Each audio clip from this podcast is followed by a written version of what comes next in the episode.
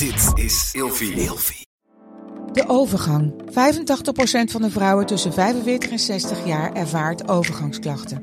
Klachten die kunnen leiden tot een verkeerde diagnose of langdurige arbeidsongeschiktheid. Wat kun je doen als je overgangsklachten ervaart? Hoe maak je dit bespreekbaar op je werk? En als jouw medewerker bij jou komt, wat kun je als werkgever dan doen? Sector Instituut Transport en Logistiek heeft een kennisplatform ontwikkeld waar jij terecht kunt voor tips en adviezen. Wil je hier meer over weten? Kijk dan eens op stl.nl/overgang. Gezonde voeding en beweging zijn al van kinds af aan een belangrijk onderdeel van mijn leven. Via Atida Pure heb ik nu een persoonlijk advies gekregen waarbij ik suggesties heb voor mijn dagelijkse benodigde aanvulling van vitamine en mineralen. Bij Atida Pure geloven ze niet dat iedereen hetzelfde is en dat iedereen wat anders kan gebruiken aan voedingssupplementen. Er zit 15 jaar aan ervaring in de supplementen. Ze zijn wetenschappelijk onderbouwd en van de hoogste kwaliteit. Dus wil jij, nou net als ik, goed voor jezelf zorgen, lekker in je vel zitten en bewust met je lijf omgaan? Met de code Nienke ontvang je nu 50% korting op je eerste bestelling. Check de website van Atida Pure in de show notes en maak vandaag nog jouw eerste bestelling. Ja, ga ik allemaal hele rare zweverige dingen zeggen. Maar wat ik wil als ik aan seks ben, is dat ik boven mijn lichaam zweef. En dat daar beneden zijn aan twee lichamen, uh, sappig en zompig bezig. Maar daarboven zijn twee geesten helemaal met elkaar zo spiritueel verbonden. Dat is wat ik wil. Deze podcast wordt mede mogelijk gemaakt door babo.nl, de webshop voor jouw spannendste momenten. Welkom bij een nieuwe wekelijkse aflevering van Seks, Relaties en Liefdes. Waarin Nienke Nijman elke week openhartig in gesprek gaat met vrienden, familie en bekenden. Nienke Nijman is de host van deze podcast. Zij is psycholoog, systeemtherapeut, relatietherapeut, seksuoloog, auteur en columnist.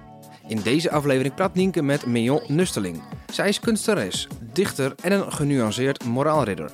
Dat houdt in dat zij onderwerpen aansnijdt als kunst, autisme, feminisme en seksualiteit. Binnen een feministische golf vindt de demiseksuele Mignon dat er te weinig aandacht is voor alles dat niet sekspositief is in een hyper-expliciete vorm. Wat dat precies inhoudt hoor je nu in een nieuwe Seks, Relaties en Liefdes. Mignon, wat leuk dat je er bent. Leuk dat ik er mag zijn. Ja, ik vind het echt ontzettend leuk.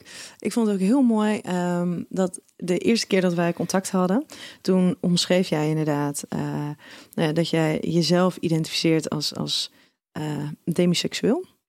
En dat jij dus tegenaan liep dat, je, dat er binnen die feministische golf te weinig aandacht is voor alles dat niet sekspositief is in een hyper-expliciete vorm. Ja. En dat vond ik zo mooi. Dacht ik, nou, dit, dit, dit moeten wij, uh, hier moeten wij induiken.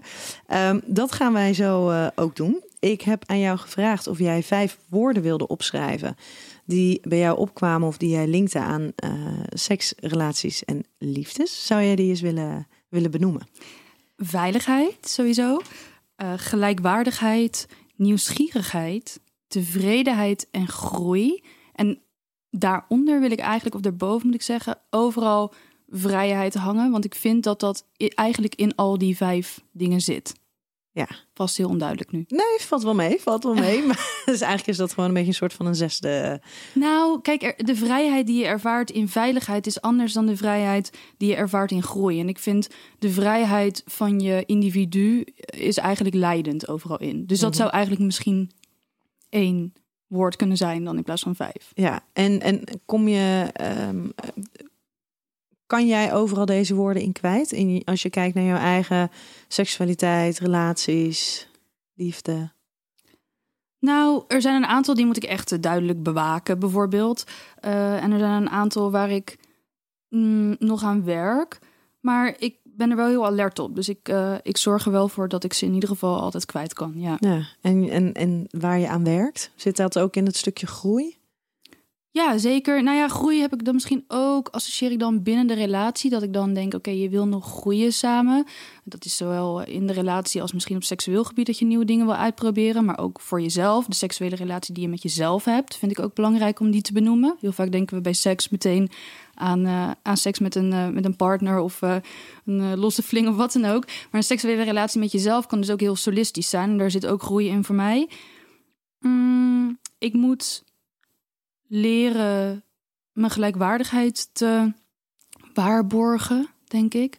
Omdat ik het vanuit, maar dat kan ik zo wel even vertellen, vanuit misschien mijn hechting soms prettig vind om de upper hand te hebben. Ik moet zorgen dat ik altijd eh, oog blijf hebben voor de ander. Dus dat geldt echt mijn kant op, dat ik daar nog aan mag, eh, mag leren. Maar ook kan ik kan me ook laten domineren, juist. Dus dat is, dat is nog wel iets waar ik, eh, waar ik eh, goed aan kan werken. Ja. Ja.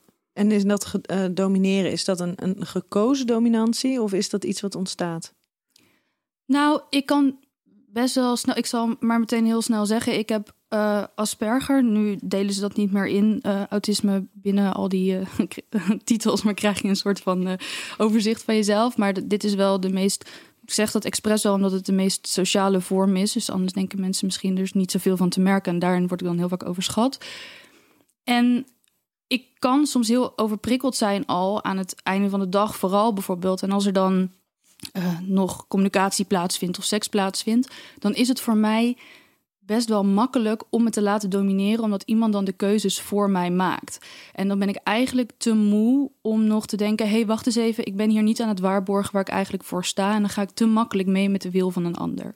Ja, wat bijzonder. Want inderdaad, ehm, als je zegt dat jij de Asperger hebt, in, in mijn beleving, en ik heb er natuurlijk in mijn werk ook wel gewoon mee te maken, eh, hoe, hoe jij je, je uit, hoe, hoe jij praat, hoe jij ehm, creëert, is dat niet iets waarvan ik denk, oeh, volgens mij is dat een, een, een typisch Asperger. eh. Ik ben echt ehm, heel flexibel opgevoed door mijn moeder. Mijn broer heeft een chromosoomafwijking en die is ook echt boven alle verwachtingen en prognoses van eh, elke dokter ooit eh, ontwikkeld. Dus aan de ene kant bof ik daar wel mee, aan de andere kant is het heel vermoeiend, want ik ben eigenlijk altijd iets anders aan het doen dan hoe mijn hoofd voelt. En dat ervaar ik ook wel zo. Ja, want jij bent heel erg out there. Hè? Heel extravert, tenminste. Dat is het beeld wat getoond wordt. Terwijl eh, wat we weten van Asperger is dat vaak juist ook een stukje ehm, teruggetrokken zijn. En Ja. juist zonder prikkels eh, zijn. Dat dat juist prettig is. Ja, zeker. nou ja, je, je bent, dit is de eerste keer dat ik eh, ergens praat over deze onderwerpen eigenlijk. Omdat het voor mij best wel lastig is. Eh, er is zelfs een keer een psycholoog die heeft tegen mij gezegd... ja, ga er maar van uit dat eh, mensen met jouw aandoening... eigenlijk op de lange termijn alleen eindigen. Oh, wauw. En dat resoneert, dat- ik moet nu weer bijna huilen als ik daaraan denk... dat resoneert nog altijd in mijn hoofd... omdat het tot nu toe ook altijd uitkomt.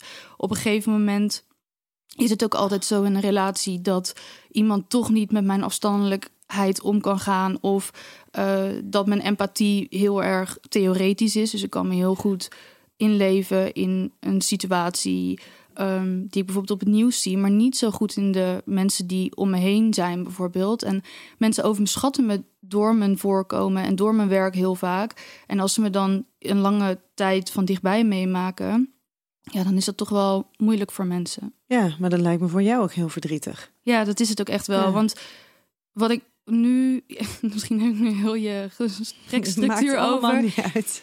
Maar nu is ook wel weer een moment waar ik, ja, je treft me eigenlijk nu op mijn kwetsbaars. Omdat ik echt dacht dat ik de liefde van mijn leven ontmoet had. En ik, hij was al zo lang in mijn vizier, ook echt al eh, zeven jaar geleden. Toen zag ik hem voor het eerst. En hij is altijd in mijn achterhoofd gebleven.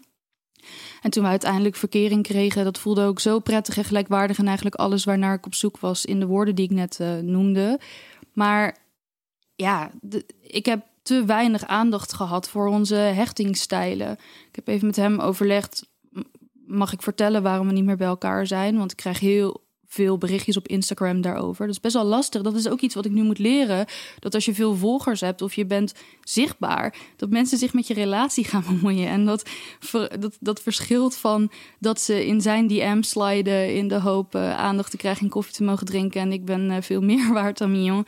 Tot aan dat ze mijn volgers vinden dat ze recht hebben om te weten hoe mijn relatie ervoor staat, nu hij minder in, eh, in beeld is, bijvoorbeeld. Dus dat moet, ik, eh, dat moet ik leren. Maar ik heb even overlegd, omdat ik zoveel vragen kreeg wat ik mocht zeggen. En hij zegt, ja, wees maar gewoon eerlijk. Ik weet niet of ik dat al kan en wil. Maar ik kan het wel samenvatten in dat hij een heel, heel, heel, heel angstige hechtingsstijl heeft. En ik toch wel afwijz- afwijzend vermijdend ben.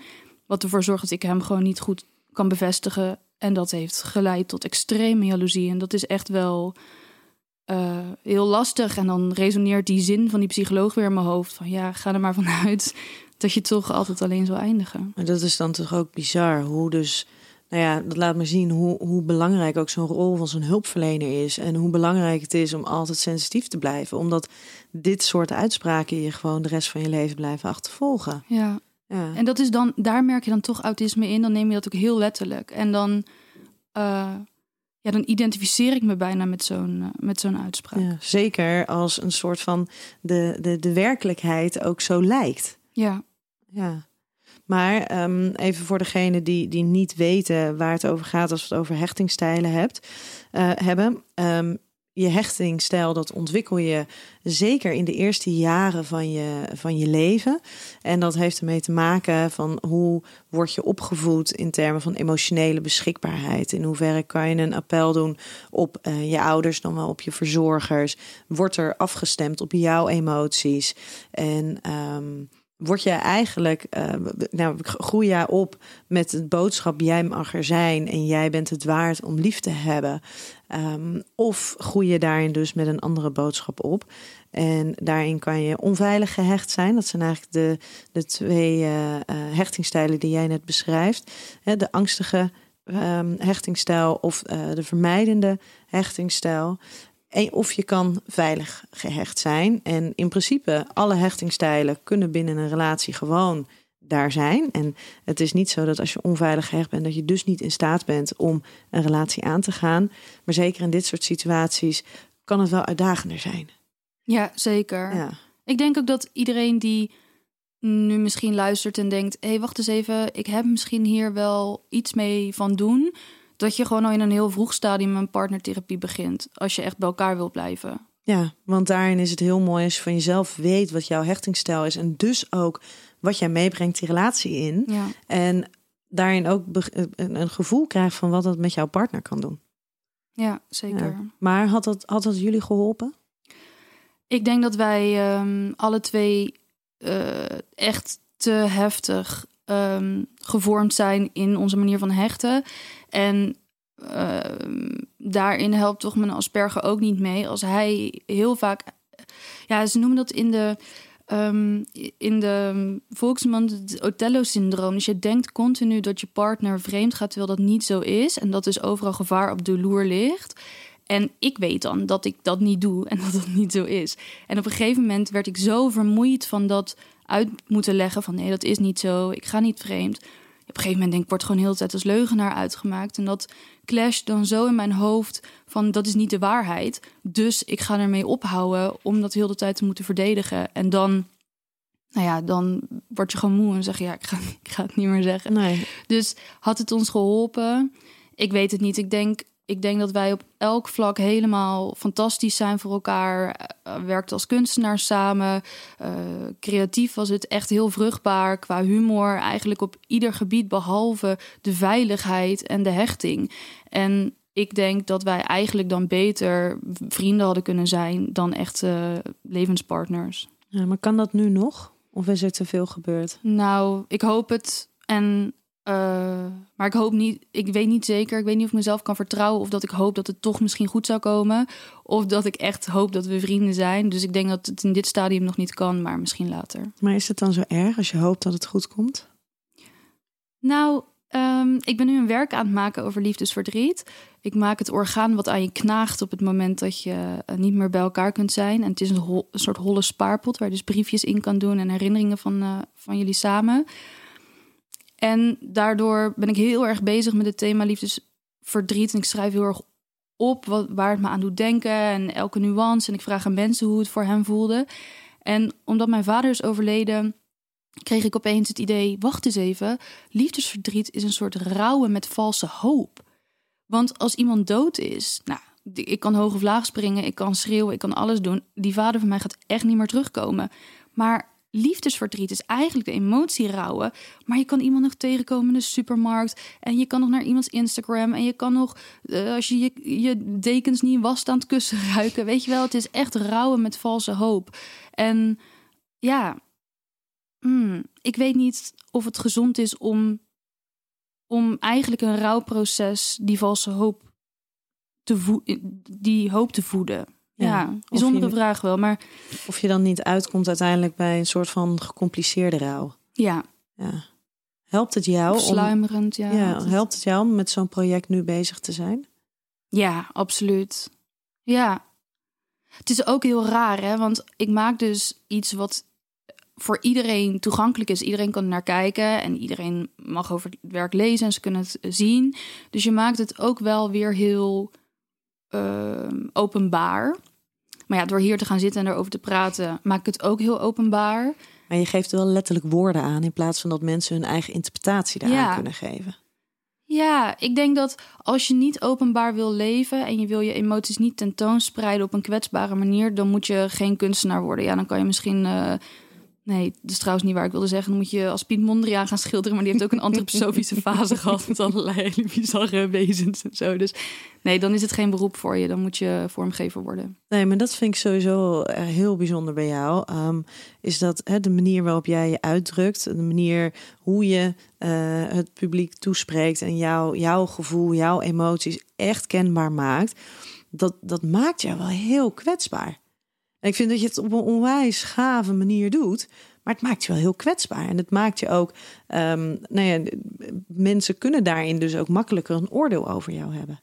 Ja, maar als ze nu een oordeel over mij hebben, dan hebben ze dat berust op helemaal mijn volkomen eerlijkheid en transparantie. En heel veel mensen die toch meer in het donker leven of ehm, ja, ervoor kiezen minder te delen, dan kan je ook makkelijker over iemands grens heen gaan. Je kan een verkeerde aanname doen, je kan iemand vals beschuldigen, verkeerd mm, interpreteren. Nee, ik vind het eigenlijk wel prettig dat als mensen me nu niet moeten, moeten ze me niet om wie ik echt ben. En niet om een verkeerde inschatting, eh, doordat ik nooit eerlijk ben geweest. Ik vind dat een prettigere manier van Ja, leven. ik vind het wel heel mooi. Maar zijn er dingen die mensen nog niet over jou weten? Nou, eigenlijk wel. Ja. En daarom zit ik hier ook wel hoor. Ik praat eigenlijk niet zoveel over seksualiteit of relaties of wat dan ook. Mensen die zien mijn Instagram en die eh, interpreteren dat als een soort van hyperseksueel, omdat het soms in bikini is of soms gebruik ik voor mijn werk naaktheid. Maar ik vind naaktheid heel functioneel en heel biologisch. En ik word daar wel heel verkeerd ehm, op ingeschat. Dus ik denk dat er zeker dingen zijn die mensen nog niet weten. Ja. Nou, dan gaan we daar gelijk op inhaken. Ehm, ik heb voor jou eh, vijf stellingen. Mhm. En ik wil heel graag weten wat jouw eh, idee daarbij is. Spannend. In de perfecte wereld mag iedereen zijn relaties en seksualiteit vormgeven hoe zij dit willen. Mm, ja, binnen juridische grenzen. De kleine kanttekening, Ja. maar dan hebben we het vaak ook al niet meer over seksualiteit. Hè? Dan Ja. gaat het vaak over iets anders. Ja, vind ik wel. Ja. Ja. Leef jij in een wereld waar dat, waar dat kan? Mm, nee.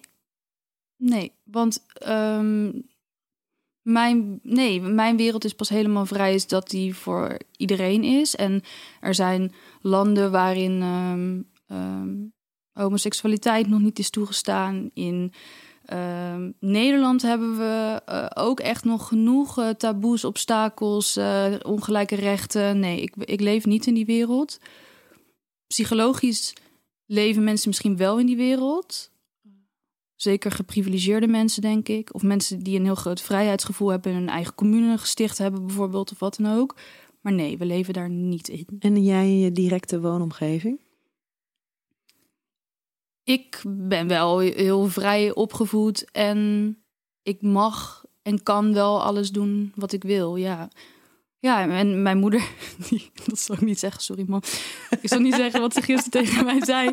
Maar die was aan het, eh, aan het beeld bellen met haar partner. En eh, die zei ook allemaal hele rare dingen. Die wist niet dat ik in de kamer zat. Toen dacht ik, oké, ja, nee, dit zat ik... eh, dit niveau hoef ik nog niet te bereiken. dus ik ben wel opgevoed en mijn directe omgeving is wel dat dat kan, ja. Oké. Ehm, fe- feminisme en seksualiteit gaan niet altijd goed samen.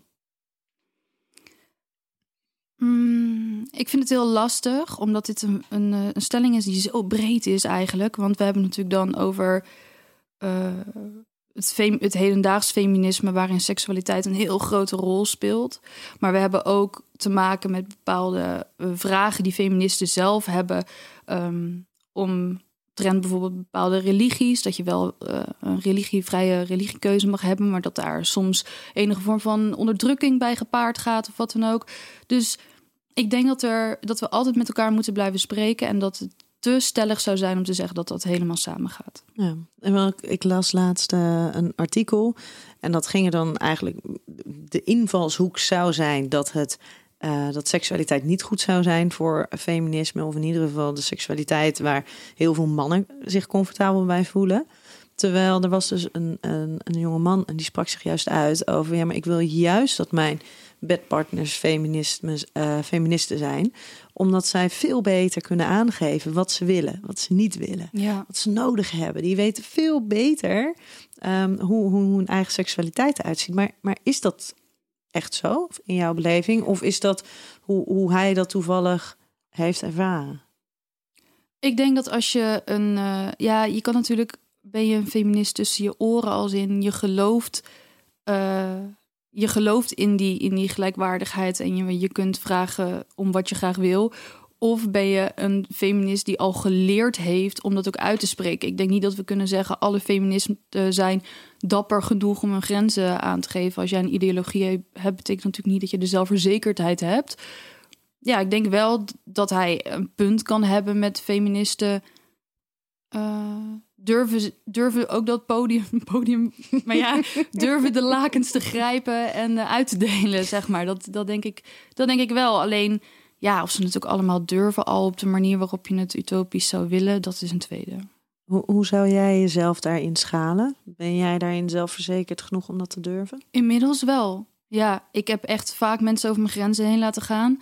Maar inmiddels, eh, ja, kan ik dat wel. Ik heb ook een soort van regeltjes eh, gemaakt daarvoor, hoor. Dat ik dan denk van, oké, ik vind het moeilijk. Sociaal vind ik het eigenlijk heel moeilijk om, eh, om dat in een vroeg stadium te zeggen. Oké, dan ga ik dus een manier verzinnen om dat makkelijker voor mezelf te maken. Dus ik, eh, ik weet je dat ik het heel moeilijk vind om seksuele handelingen expliciet uit te spreken.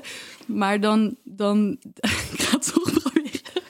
Zo mensen die dit zitten luisteren en mij kennen, denken is er met die meid aan de hand? Mijn vrienden die weten dat wel. Ik ga altijd hele metaforische eufemismes zoeken. Maar ik, ehm, ik heb wel geleerd om de eerste keren als je eh, daaraan gaat beginnen, en dat duurt bij mij dan iets langer sowieso al, dat ik wel het ongelijkwaardig behandel. Dat ik dus wel eerst al, al het genot krijg en daarna ga ik dat pas omdraaien. Want dan heb ik de toon al gezet ehm, dat, het, dat, dat, ik, eh, eh, dat ik daarom durf te vragen.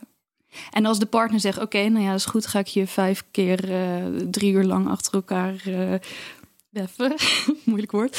Dan eh, weet diegene wel: Oké, ze, ze durft dus wel daarom te vragen. En eh, ze heeft grenzen die ze bewaakt. En daarna kan ik alle touwtjes laten, laten gaan of wat dan ook. Ja. Maar ik vind het wel leuk om, daar, om daarmee te spelen, om, die, om dat zelfvertrouwen op te bouwen. Ja, maar dat is natuurlijk ook. We zeggen altijd wel van ja, je moet communiceren over seks en je moet durven aangeven wat je wil. En maar hè, wat jij nu merkt van ja, maar ik vind het lastig om daadwerkelijk de handelingen uit te spreken. Ja, maar dat zijn zoveel mensen vinden dat lastig. En überhaupt al ehm, weten wat het is wat je dan wilt. Ja, Want het is vaak veel makkelijker om te weten wat je niet wil. En dan kom je vaak pas achter als het al gebeurd is, dan om te weten wat je dan wel wil. ja. Men neemt te snel genoegen met hoe hun seksuele relatie, dan wel hun seksualiteit eruit ziet. Ah, dit vind ik een interessante, want ik had dus in mijn eh, vijf woorden tevredenheid geschreven, omdat ik ook vind dat we in een consumptiemaatschappij leven waarin mensen elkaar consumeren. Dus hierbij is het eigenlijk wat je net al zei: het is heel belangrijk om te weten wat je wel zou willen, eh, dan wat je misschien nu hebt. Dus ik denk dat Misschien is dat omdat ik alles van tevoren moet bedenken en me reflecteren en denken: wil ik dit nou echt? Is dit een opwelling? Ik ben zo altijd mijn emoties eh, aan het eh, indelen, categoriseren en weet ik het allemaal. Dat ik denk: oké, tevredenheid. Als de buurman eh orgies organiseert, betekent niet dat jij dat ook per se moet doen. Net als de rode BMW of wat dan ook. Alleen er vanuit gaan, oh, dat is niets voor mij, zo'n orgie. Dat is eigenlijk misschien ook te makkelijk. Dus ik denk dat je je eigen seksualiteit heel erg moet leren kennen. Niet zozeer per se met iemand, maar dat je heel erg goed weet van jezelf. Wat vind ik erotiek? Wat vind ik eh, sensueel? Wat vind ik lekker? ehm, waar liggen mijn harde grenzen? Waar ben ik eigenlijk nieuwsgierig naar? Ik vind het altijd best wel bijzonder dat mensen wel een bepaald type porno kijken, maar het dan niet eh, willen uitvoeren. Ja, waarom dan niet?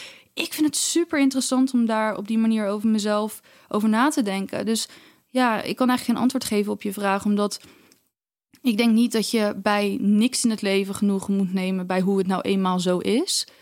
Maar ik denk ook niet dat je per se moet kijken wat hebben anderen en wil ik dat. Dat je heel erg in een donkere kamer moet gaan zitten bij zo'n spreken en dan alles moet opschrijven wat je stiekem ergens ook maar een sprankje voelt en dan moet gaan ontdekken of je dat zou willen. Ja. En dan is het inderdaad met tevreden zijn met iets. Ja, is dat echt ben je echt blij met iets tevreden of neem je er genoegen mee? Ja. Dat het is zoals dat het is. Seksualiteit binnen een relatie is nooit hetzelfde als seks zonder een relatie te hebben.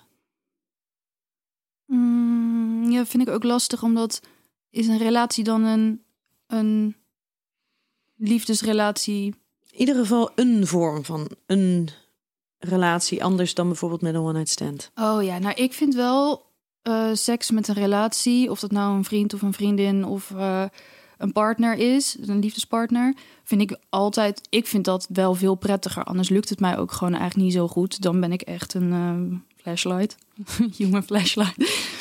Uh, dat heb ik echt nodig voor een soort spirituele verbindenis, uh, die het dan ook echt.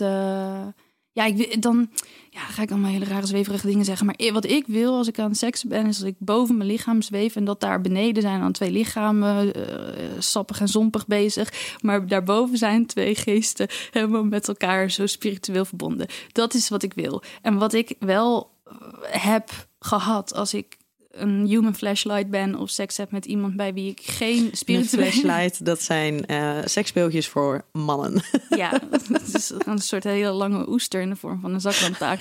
en sorry, dat lukt me nog wel weer. Zie je, en metaforen. Ja, precies, maar dat mag, dat mag. Ja. Um, wat ik dan wel vaker heb gehad als ik dan niet die spirituele verbindenis met iemand voel, is dat ik gewoon kan denken: oh ja, ik uh, moet nog nieuwe boorbitjes halen of zo. Dat, en dat wil ik dus niet. Dus nee, ik heb dat nodig. Ja. Ja. Ware liefde bestaat. Ja. Ja. Nou, mijn hart is nu zo gebroken. Ik kan ja. hier een janken uitbarsten. Dus ik, ja. Ja, en niet alleen tussen liefdespartners, ook je kan denk ik ook een hele mooie altruïstische liefde hebben. Of natuurlijk voor je kinderen, voor je huisdier. Ik wil dat niet vormgeven voor andere mensen. Maar ware liefde bestaat zeker. Ja, als je ziet welke opoffering mensen voor elkaar doen soms. Of echt in levens- en doodssituaties. Of uh, nee, dat, dat bestaat. En is ware liefde altijd voor altijd? Nee, dat hoeft niet. Nee. Nee, want ik, het is ook niet aan mij om te zeggen dat als een relatie over is gegaan tussen mensen, dat dat geen ware liefde was. En als dat weg hebt, dan kan het nog steeds op dat moment als ware liefde gevoeld hebben. Ja. Er is geen derde observator, er zijn alleen maar perspectieven. Mm -hmm. hey, je had het net al over dat als jij, als jij seks hebt, dan wil je het liefst dat, nou ja, dat jij boven je lichaam um, uitstijgt eigenlijk. En dat, Ja. dat de lichamen sappig en sompig bezig zijn. En dat ehm, daarboven twee geesten eigenlijk de echte connectie een soort van aangaan. Is dat hoe jij, ehm, hoe, hoe jij dat stukje seksu- demiseksualiteit ook, ook voelt of ervaart of zou omschrijven? Mm, ja, dat is dus het, het doel waarin ik, laten we zeggen, het geilst ben of het meest denk, ja, dit is seks binnen mijn seksualiteit. Ehm, maar ik merk het ook wel in andere dingen. Eh, Als, er, als we op een terras zitten en mijn vriendinnen zeggen, zo, er komt echt een lekker ding voorbij. Mm, nou, daar heb ik echt geen boodschap aan. Dan kan ik er als kunstenaar wel naar kijken met, oh ja, mooie botstructuur of zo. Maar een lekker ding, nou, dat zegt me echt niks. Nee, maar kan, je, kan jij dan ook niet mensen die je ziet aantrekkelijk vinden? Ja, ik vind bijvoorbeeld ehm, eh, Adam Driver, die eh, Star Wars speelt en ehm, Ja. die film over het huwelijk. Dat vind ik echt een ontzettend mooie man. Maar dat is die stem ook, dat is zijn asymmetrie. Dus zijn aantrekkelijkheid zit hem in zijn artistieke aantrekkingskracht voor dus mij. toch weer vanuit de blik van die kunstenaar Ja. dan. Ja, en daarom vind ik vrouwen fysiek aantrekkelijker dan mannen, omdat ik ze mooier zou kunnen schilderen. En dat is, komt voor jou ook echt wel uit dat stukje demiseksualiteit. Ja, dat, ik weet dat niet. Kijk, het is natuurlijk. ik denk seksualiteit is ook een mozaïek. Het een, ja, ik kan niet zeggen, oh ja, het, is, het, ja, het ene zit in een ander kopje dan het ander. En bij mij zijn het allemaal soort doosjes, zeg ik altijd, die dan Mhm. open en dicht gaan. Dus ik heb het nooit. Het is gewoon zo. Dus ja, misschien. Ja. Hey, want even ehm, voor de duidelijkheid, demisexualiteit. Ik zou het eh, omschrijven als dat eh, je, je, kan je, je kan jezelf met demisexualiteit identificeren op het moment dat je echt een mentale verbinding met iemand nodig hebt voordat je daar een vorm van seksuele aantrekkingskracht bij kan Ja. ervaren. En dat eigenlijk zonder die relatie, zonder die betekenisvolle relatie, ehm, nou, dat, nou ja, bestaat dat stukje seksualiteit niet. Nee. En voor mij was het dus ook zo dat als ik eh, in een onveilige situatie was, bijvoorbeeld eh, ruzie of wat dan ook, dan voel ik die seksuele aantrekkingskracht ook niet. Dus make-up seks of zo, nou dat vind ik echt, dat, dat vind ik verschrikkelijk. Ja, maar waarschijnlijk wordt daar gelijk weer een appel gedaan op je, ook op je, op je hechting. Ja, En dat is natuurlijk die vermijdende hechting. Dat gaat over van ik heb, ik heb een ander niet nodig. ja. Ik, kan op, ik kan alleen op mezelf vertrouwen. En ik regel het zelf wel. Dus dan is het ook heel makkelijk dat als iemand anders een klein beetje die onveiligheid ehm, aanstuurt, dat jij dus afstand neemt. ja. Maar vervolgens is het dus ook een voorwaarde voor jou die verbinding om seks te hebben. Dus ja, als er afstand is, dan, dan is die verbinding er natuurlijk niet. nee. En ik zeg ook altijd bij uh, goedmaakseks, ja, maar is het echt dat je echt opgewonden bent? Omdat je sowieso, als je ruzie hebt en je, je roept van alles en je voelt van alles, dat je dan dus eindelijk een keertje van alles voelt. En dus ook een vorm van op, eh, opwinding en dat je de ander echt een keertje ziet. Of is het meer de angst om de ander kwijt te raken? En ga je dus door middel van seks proberen de afstand te lijmen? En gaat het dan wel echt Ja. over seksuele opwinding? Of gaat het dan over de angst om de ander te verliezen? Die vraag stel ik me ook heel vaak, of die stel ik dan eigenlijk ook gewoon aan de vrienden zelf. Op het moment dat ze in een ehm, niet helemaal veilige, ehm, ja, of het nou eh, datingfase is of verkering of wat dan ook. Als ze dan zeggen, ik ben zo verliefd. En dan denk ik wel eens, hmm, ben je nou zo verliefd vanwege de dopamine en noem het allemaal maar op? Of ben je eigenlijk zenuwachtig en voel je daarom die vlinders in je buik? Dat je eigenlijk bang bent om het verkeerd te doen bij diegene of wat dan ook. Maar ja, dat is ook weer... Ik snap niet dat mensen niet bij elke emotie die ze voelen denken... Hmm, waar komt dit vandaan? Of ja, dat, ik denk dat je jezelf dan zoveel beter leert kennen... en daarmee ook voor jezelf een veiliger leven creëert. Ja, maar het lijkt me aan de ene kant is het natuurlijk hartstikke goed. Maar als je alles onder een vergrootglas Ja, joh, dat is legt, doodvermoeiend. Ja, het lijkt me hartstikke Ja, ik vermoeiend. ga ook zo naar bed als ik hiermee klaar ben.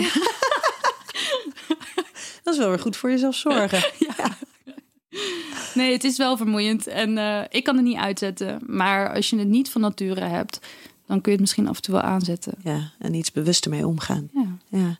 En hoe vind jij dat, er een, eh, dat het beeld van seksualiteit op het moment is? Is dat iets waar jij jezelf mee kan identificeren? Ja, dit is, weet je wat ik zo moeilijk vind? Mijn, ik kom er steeds vaker achter dat mijn beeld van de wereld nu, of het on, de online wereld, of ehm, de feministische golf, of wat dan ook, een ontzettende bubbel is. Een ontzettende bubbel.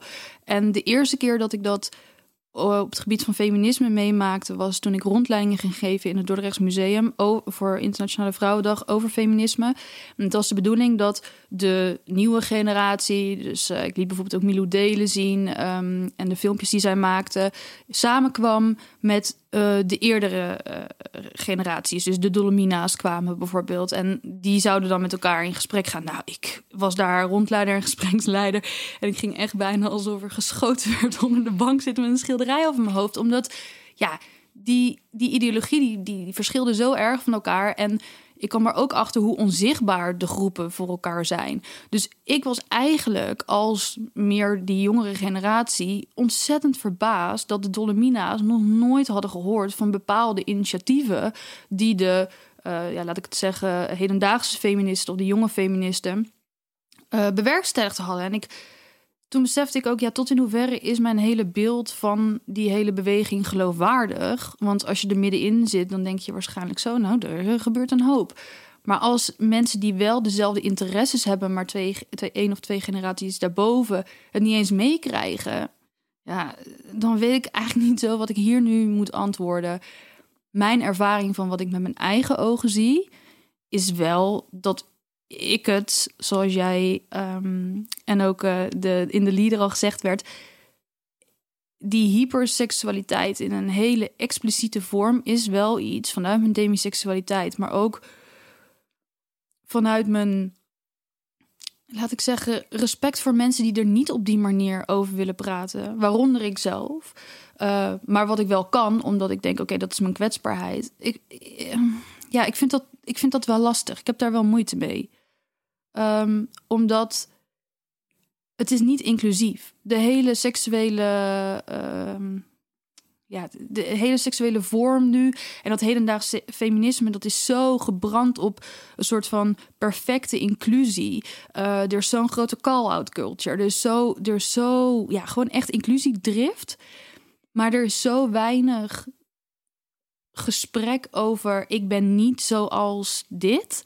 En dat merk ik um, als ik, uh, ik leid dus bijvoorbeeld voor de gemeente best wel veel uh, um, debatten of uh, gesprekken. Um, ook heel vaak voor mensen die bij de gemeente werken, die dan, dan gaat het bijvoorbeeld over de nieuwe transgenderwet en dan komt daar voor de burger ook een gesprek bij.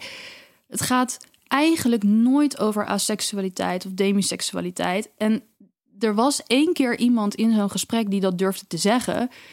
Die, er werd een bepaalde vraag gesteld. Die leek op wat jij net stelde. Is er een veilig klimaat voor iedereen?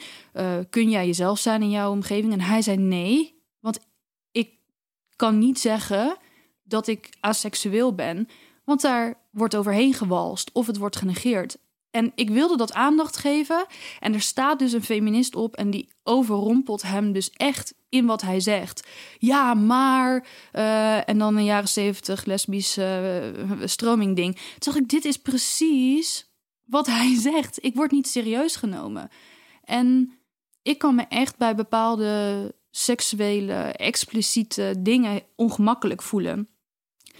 Het boegbeeld van het hedendaags feminisme lijkt ook wel een soort de vulva of de, weet je wel, eh, de, de, de vulva en de gekleide tepel met. Uh, en dat is allemaal enig en leuk. En ik, ik hou er ook wel van dat het, dat, het, um, dat het er allemaal is, maar het is zo expliciet allemaal. Uh, ja, nou goed, ik het wel af, maar. Nou, nee, ik denk helemaal niet dat je zozeer afdwaalt. Maar dat is inderdaad. Um, dus eigenlijk geef je aan van ja, het, het is inderdaad allemaal zo expliciet. Um, dat, dat er dus een hele grote groep mensen die, die zich daar helemaal niet mee kan identificeren, um, die worden daarin helemaal niet gehoord. Die worden zelfs een beetje de mond gesnoerd. Ja. Maar vind jij dat dat, dat dat anders moet of anders kan? Of denk je van nou, misschien is dit ook wel, dient het ook wel zijn nut voor de time being en, en zal het in de komende jaren wel weer veranderen? Het dient inderdaad het nut op grotere schaal. Maar binnen mijn bubbel waar ik dus echt alles mee krijg, daar geen uh, demiseksueel of aseksueel geluid horen, dat is eigenlijk wel gek. Ja. Als ik wel overal waar ik maar online ga kan lezen over een een of andere super uh, specifieke uh, fetish uh, niche, dan vind ik het heel gek dat ik een grotere groep niet gerepresenteerd zie worden. En waarom is dat, denk je? Waarom wordt er dus wel ingesprongen op een of andere fetish en niet gewoon. Nou ja, het heeft natuurlijk geen sensatie-element. Ik denk dat we in een maatschappij leven die best wel uh, moet worden. Er is dus volgens mij een keer een filosoof geweest die heeft gezegd: geef het volk brood en eten of spelen en eten. Um, dus ik, ik denk dat asexualiteit of demiseksualiteit of um, iets wat daar grenst of gewoon geen zin hebben. Of uh, de documentaire uh, van Lise seks is stuk. Ik denk dat het allemaal... Het, het, het heeft minder verkoopswaarde. Het is niet sexy. We, willen, we zijn zo allemaal onze identiteit aan het creëren. We willen allemaal aandacht. We willen allemaal um, leuk gevonden worden. We willen allemaal aantrekkelijk zijn. We willen, we willen allemaal van alles zijn om wie we zijn. En dan is uh, niet een uiterst seksueel kronkelend uh, zoogdier zijn, waarschijnlijk gewoon niet het leukste om, om het over te hebben. Terwijl bijvoorbeeld die documentaire van uh, Lise Korpershoek, Mijn Seksenstuk, die is volgens mij een stuk of vier, vijf keer op tv Natuurlijk, geweest. een verademing. hoe vaak. Er was eindelijk iemand die het wel wil, durfde te zeggen: Ik ben geen supergeil, sensueel, kronkelend nachtdier. Maar kennelijk ook de, ehm, de kijkcijfers ernaar, de belangstelling ernaar, dat die keer op keer getoond werd. Dus dan is er dus wel vraag naar. Alleen dat wordt niet uitgesproken. Dat, wordt, nou ja, dat, wordt, dat vertaalt zich in: we gaan die documentaire nog een paar keer uitzenden. Ja. Want mensen willen dit zien. En het is eigenlijk, ik vind het hard te gek. Ik vind die documentaire ook echt mooi gemaakt. En ik vind het ook helemaal prima dat hij vaak gezien wordt. Maar eigenlijk is het jammer dat hij dan vier of vijf keer, want dat wist ik niet, uitgezonden is. En dat er geen nieuwe plek gemaakt is voor nieuwe perspectieven. Nu is Lise een soort van het boegbeeld van kapotte seks, wat ik ook um, niet zo zou noemen. Mhm. Maar ehm, terwijl ik denk, er zijn echt mensen die het er graag over willen hebben, maar er moet nog een veilig klimaat gecreëerd worden. Ja. Nou, Lisa heeft daar, eh, die heeft zeg maar de seksuele ruit ingegooid van, van het clubhuis. En we kunnen, we kunnen naar binnen en andere perspectieven gaan bieden daar. En eh, ja, dat, dat, ja, misschien zijn ze er niet, misschien durven mensen het niet. Ik weet het niet. Maar er, eh, als er echt zoveel vraag naar is dat die zo vaak is uitgezonden, dan, dan vind ik het jammer dat er, dat er niet meer perspectieven gedeeld worden. Ja, en aan het einde van de documentaire zegt ze volgens mij ook nog van... ja, mijn seks is niet stuk, mijn seks is gewoon van mij. Ja, En ik denk dat dat een hele mooie is. Dat we daar naartoe zullen kunnen gaan. Dat iedereen zijn eigen seks kleurt. ja, Hoe dat er dan ook uitziet. Maar dan is het natuurlijk wel nodig om te weten dat er zo'n grote variatie is. ja, zeker. Ja. Ehm, maar zou jij dan niet denken dat juist jij, hè, want, want ehm, ja, je bent, je, je bent kunstenares. Ehm, wat je doet online op social media, dat, dat slaat enorm aan. Je hebt, je hebt heel veel mensen die jou volgen en, en wat ook trouwe volgers zijn. Geeft dat jou niet juist ook een plek om, om dit soort gesprekken te voeren? Ja, zeker wel hoor. Ik heb er in het verleden eh, wel eens iets over geschreven. Ehm, over een, eh, een studentenhuis waar een vriendin van mij in woonde. En die hadden de, de panda. En eh, de panda is een dier wat dus heel weinig eh, seks heeft. En daardoor ook niet echt heel efficiënt voortplant. En dat is natuurlijk voor het uitsterven van de diersoort niet heel praktisch. Dus dierentuinen doen er alles aan om panda's geld te krijgen. Nou ja, goed. Dus de, er is in heel veel studentenverenigingen, studentenhuizen, is dus ook de huispanda. En dat is dan degene die het minste of seks heeft of het langst droog staat. Die, eh, dat is allemaal variabel. En er zijn ook studentenhuizen. En dat was dus dat eh, huis van die vriendin van mij, bij wie ze dan het, de kamer, de slaapkamer van de panda, volledig vol planten met bamboe. Dus er was gewoon helemaal, je kon bijna niet meer naar binnen. Jij was de panda, dus je kamer stond vol met bamboe. Nou, dan kreeg je natuurlijk dat mensen graag seks wilden hebben, want dan was die kamer weer leeg en dan werd al die bamboe naar iemand anders. Eh, Oh, wauw. ja, Oh, wauw. Eigenlijk best wel vervelend op verschillende gebieden, psychologisch, dat als je je date meeneemt, dat ze heel de kamer vol moet, ziet staan met bamboe, dat je dan moet uitleggen. Ja, ik heb het al heel lang niet gedaan. Daar dwing je dan eigenlijk je huisgenoot een beetje tot dat gesprek. Ook heel vervelend, omdat je indirect een duwtje geeft in dat diegene dan weer seks moet hebben, want er is mankeert iets aan hem, want, of haar. Want Kennelijk is het niet normaal. ja, precies. Dus ik heb een keer een stukje geschreven waarin ik wel over die panda vertelde. En dat je ook gewoon wel een trotse panda kan zijn. Dat het helemaal niet iets verkeerd is om seks te hebben met mensen met wie het echt heel graag wil. In plaats van eh, kwantitatief meer om maar je kamer. Omdat het kan. Ja, ja, om niet vol met bamboe Ja. te hebben. En dat was eigenlijk voordat ik echt veel volgers had. Dus dat heb ik gewoon een keer geschreven, nooit meer aan gedacht. Toen heb ik het onlangs een keertje gerepost in mijn stories. Dus een vaste post gerepost. En toen kreeg ik daar heel veel berichtjes op. Dus ik, het is eigenlijk pas sinds kort dat ik dacht ook dat ik ook door had. Hé, hey, wacht eens even, mensen willen hier heel graag over praten. Dus ehm, ik ga het vanaf nu wel doen. Alleen ik had er nooit, eigenlijk nooit over nagedacht. Nee, en waar je daar natuurlijk ook weer een beetje voor moet waken, is dat, dat dit is niet het enige wat je. Dit is niet de enige boodschap die je wil uitzenden. Want jij eh, vertelt natuurlijk heel veel verhalen. En Ja, jij hebt heel veel verschillende boodschappen. En dan moet je er ook weer voor waken dat dit niet jouw ding wordt. Nee, en ik ben eigenlijk. Vraag ik me ook bij heel veel dingen af: ben ik de juiste persoon om dit te delen? Want ik heb wel degelijk eh, eh, de mogelijkheid tot een prima seksleven. En ik heb wel degelijk eh, ehm, de zin en de drive om dingen uit te proberen. Ik vind het heel leuk om speeltjes te gebruiken. Ik vind het heel leuk om. ehm, ik hou bijvoorbeeld heel van Shibari, weet je wel. Dus ik heb echt wel.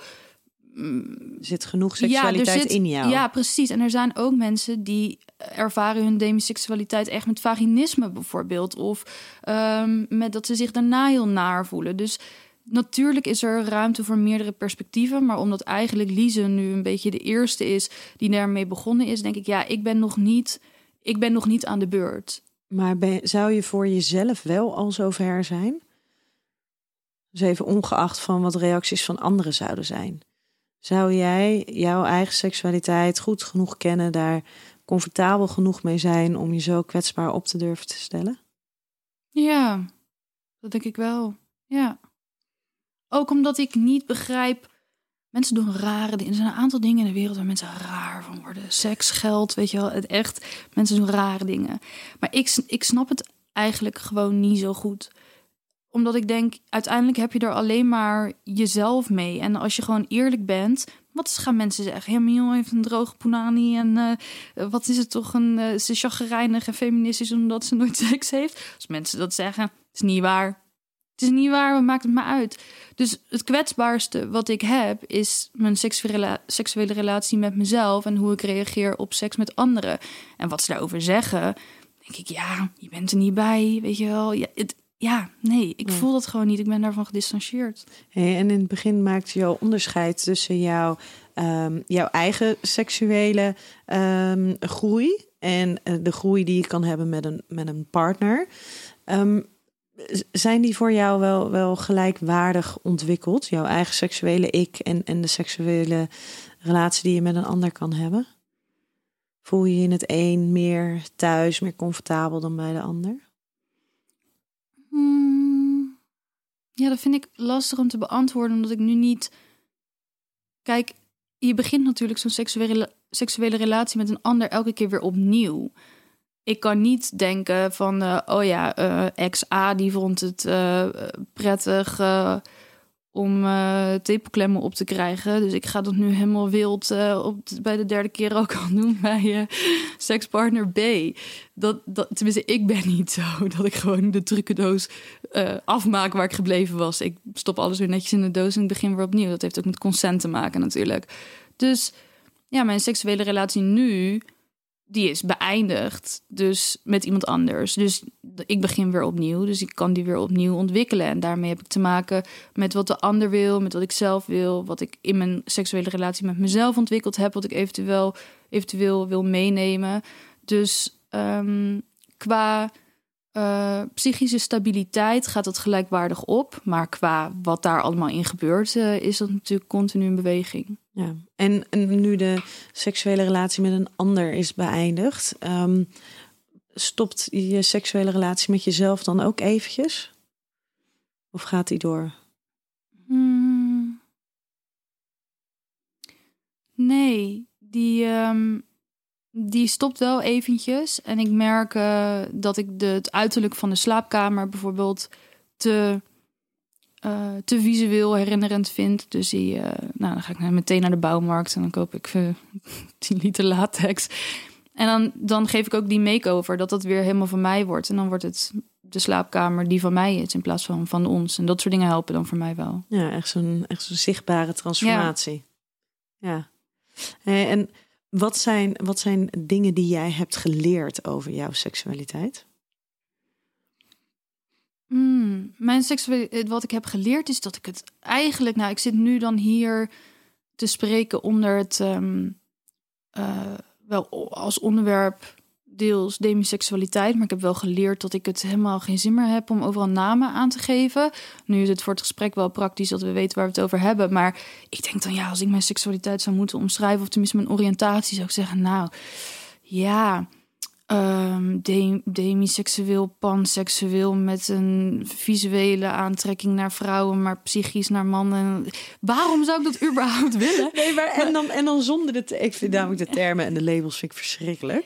Als je het dus zonder de termen en de labels, hoe, hoe, wat zijn dan dingen die jij hebt geleerd over je, over je eigen seksualiteit? Nou ja, dat je jezelf ook niet zo moet beperken. Want stel nou dat ik dit had uitgesproken en ik kom daarna iets tegen uh, wat daar niet binnen past. En dan, dan heb ik mezelf heel de tijd als identiteit dat aangepraat. Dus ik denk dat je gewoon een beetje... Je moet gewoon even een beetje chillen. Als in, je moet niet zo met het bouwen van je identiteit bezig zijn... en veel meer voelen. Een vriendin van mij, ik ben echt een nadenker. En zij zegt altijd tegen mij...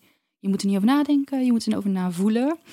Dus ik denk dat dat het, dat dat het, eh, dat dat het is. Dat je meer moet voelen en minder moet nadenken. En dat je identiteit ook maar iets is wat je zelf geconstrueerd hebt. En dat je gewoon, ja, dieren. Ik kan me niet voorstellen dat dieren dat ook helemaal zo gaan doen.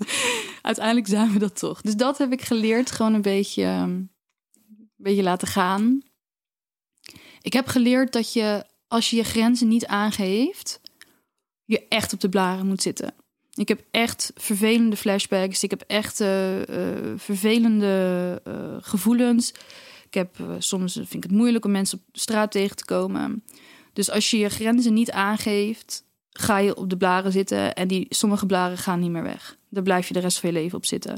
Dus misschien heb je nu, misschien luister je dit wel en zit je in de puberteit en, en doen al je vriendinnen of vrienden dingen die jij eigenlijk nog niet wil. Je bent echt op latere leeftijd veel blijer met jezelf als je het niet doet, dan dat je nu onder groepsdruk blaren gaat maken. Als jij iets niet wil, dan ga je het niet doen. En dan, als je niet weet hoe je dat moet zeggen, dan is er vast ergens een hele leuke activiteitscursus te doen. Ik weet het niet. Maar nee, ga nu geen blaren maken onder groepsdruk. Of om sociale druk van één iemand, dat kan natuurlijk ook al. Had jij dit moeten horen in je tienerjaren? Ja, nou, ja, ik denk dat mijn moeder dat wel gezegd heeft.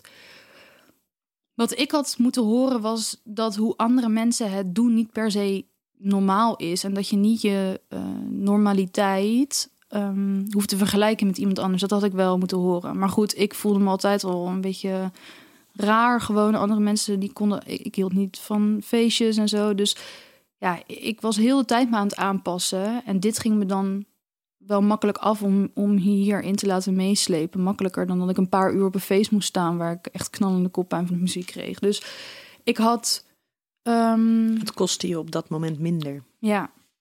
Maar de blaren zijn groter. Ik had beter toen gewoon naar een feestje kunnen gaan. Mhm. ja, ik heb de verkeerde offers gebracht. Ja. Maar ja, met de wijsheid van toen. Ja, precies. Ja. Ja, er zou misschien moeten erop. Weet je wat? Dit is dus. Maar dat is natuurlijk een discussie, die is al 180 keer gevoerd. Maar ik ga het toch nog even snel zeggen. Dit is een groot deel wat bij seksuele eh, voorlichting belicht zou moeten worden. In plaats van uh, alleen maar uh, de, de, korte penetratie en uh, ja. dat. Omdat die blaren. Ja, ik vind toch iedereen. Ja, dat, ja, nou ja, goed. Die, ja, sommige blaren gaan niet meer weg. En die hadden gewoon voorkomen kunnen worden door een betere les. Ja, en dat is dan zo zonde dat dan op zo'n jonge leeftijd eigenlijk de blueprint voor de rest van je leven wordt, wordt bepaald. Ja, ja, zeker. Ja, en de, je moet echt wel heel erg hard aan jezelf werken. Wil je echt hele grote um, dingen oplossen of verzachten? Of, uh, ik merk het gewoon eigenlijk met iedereen over wie je, als je met, met vrienden hier echt openhartig over spreekt. Iedereen heeft blaren. Iedereen. Um, dus het is ook helemaal niet meer gek om het daarover te hebben op het moment dat je een nieuwe sekspartner krijgt. Want die heeft waarschijnlijk ook blaren. Dan kun je beter weten waar blaren zitten, zodat je er niet hard op slaat. Dan dat je in deze alsof figuur, letterlijk. Ja, dan, dat je, dan dat je doet alsof het er niet zit. Ja. ja. Dus dat, is ook, dat heb ik dus ook geleerd, communicatie gewoon. Over, ja. Hoe moeilijk het ook is, dat stukje communicatie. Ja. En wat zou het fijn zijn als inderdaad iedereen gewoon vrij van labels en vrij van um, ja, namen die er worden gegeven, gewoon zijn eigen seksualiteit vorm kan geven. Ja. En dat er geen norm is. Maar waarom vinden mensen het moeilijk om vooraf te spreken? kijk ook even naar mezelf, maar. Nou ja, over het algemeen is, is oprechte communicatie is gewoon al heel lastig. He, er zijn mensen zijn daar vaak heel slecht in. Maar als het dan ook nog eens over seksualiteit gaat, want dan moet je een soort van wel weten waar het over gaat hebben. En er zijn sommige mensen die zijn daar heel assertief in, omdat ze dat bijvoorbeeld vanaf jongs af aan al, al hebben gedaan of hebben geleerd. Of die hebben een partner die hun daarin heeft meegenomen en daarin dat, uh, heeft, nou ja, dat daar een stukje groei heeft plaatsgevonden.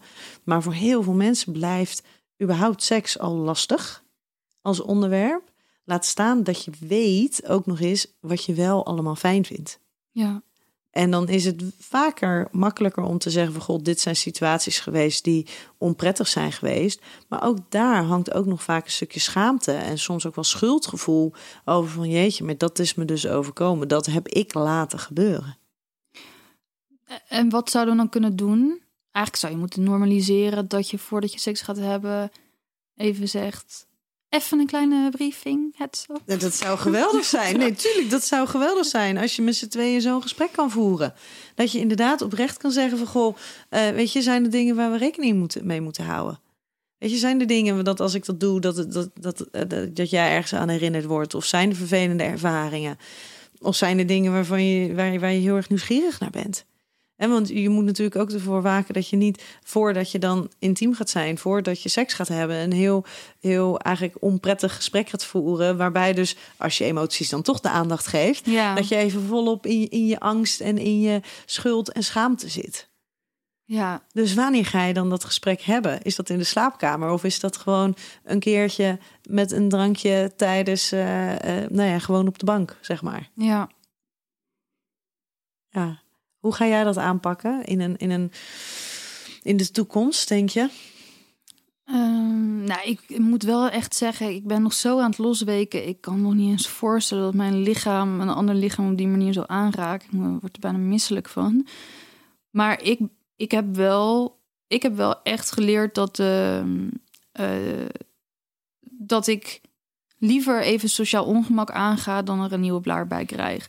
Dus hoe ik dat zou aanpakken. Ja, ik heb natuurlijk mijn regel eerst. Dat ik dan denk, oké, laat eerst maar zien tot in hoeverre je geduld hebt met mij. Voordat je er iets, zeg maar, voor terugkrijgt. Ik bedoel daarmee niet dat seks een valuta is hoor. Mhm. Maar dat ik wel de, het, het De geduld... commitment. Precies, dat, dat wil ik wel zien. Want weet je, seks kan je echt overal krijgen. Als je een beetje je best doet, dan moet je het wel heel bond maken. Wil je het niet krijgen. En dan zeg ik niet dat het een gezonde vorm is, maar het is overal te krijgen. Mm, dus ik wil wel zien dat iemand seks wil hebben omdat ik het ben. En niet omdat diegene alleen maar seks wil. Dat is, dat is voor mij belangrijk om dat te voelen. Dat vind ik zelf ook prettig. Daar word ik zelf geiler van. Ehm, dus ik denk dat ik het er wel, eh, ja, dat ik het er op zich wel over ka- kan hebben. Ja. En weet je wat het is? Ik, ik vind leuke mensen zo leuk. Dat klinkt heel stom. Dan denk je, ja, oké, thank you, Captain Obvious. Maar, maar ik kan zo genieten van ehm, evenwichtige, grappige, slimme, empathische mensen die mij iets kunnen leren. Op het moment dat er een mogelijkheid is om seks te hebben met iemand die zo leuk, empathisch, slim, ontwikkeld, eh, prettig is. Nou, dat lijkt me fantastisch. Als ik in een voorgesprek of een voorbeschouwing, of hoe je het dan ook wil noemen, achterkom dat iemand niet over die eh, capaciteiten beschikt of niet dat karakter heeft, dan denk ik, nou, Hoef je geen geen seks met jou. Ja, Ja. dus waarom zou je graag seks willen met iemand die geen zin heeft om naar jou te luisteren? Iemand die geen zin heeft om naar jou te luisteren, heeft ook geen zin om je 3,5 uur te beffen. Dat geloof ik. Hoeft hij niet naar je te luisteren. Nee. Hey, wij moeten hem eh, alweer gaan, eh, gaan afronden. Is er voor jou een, een laatste boodschap die jij mee wil geven aan, aan de luisteraar? Ik heb een tip.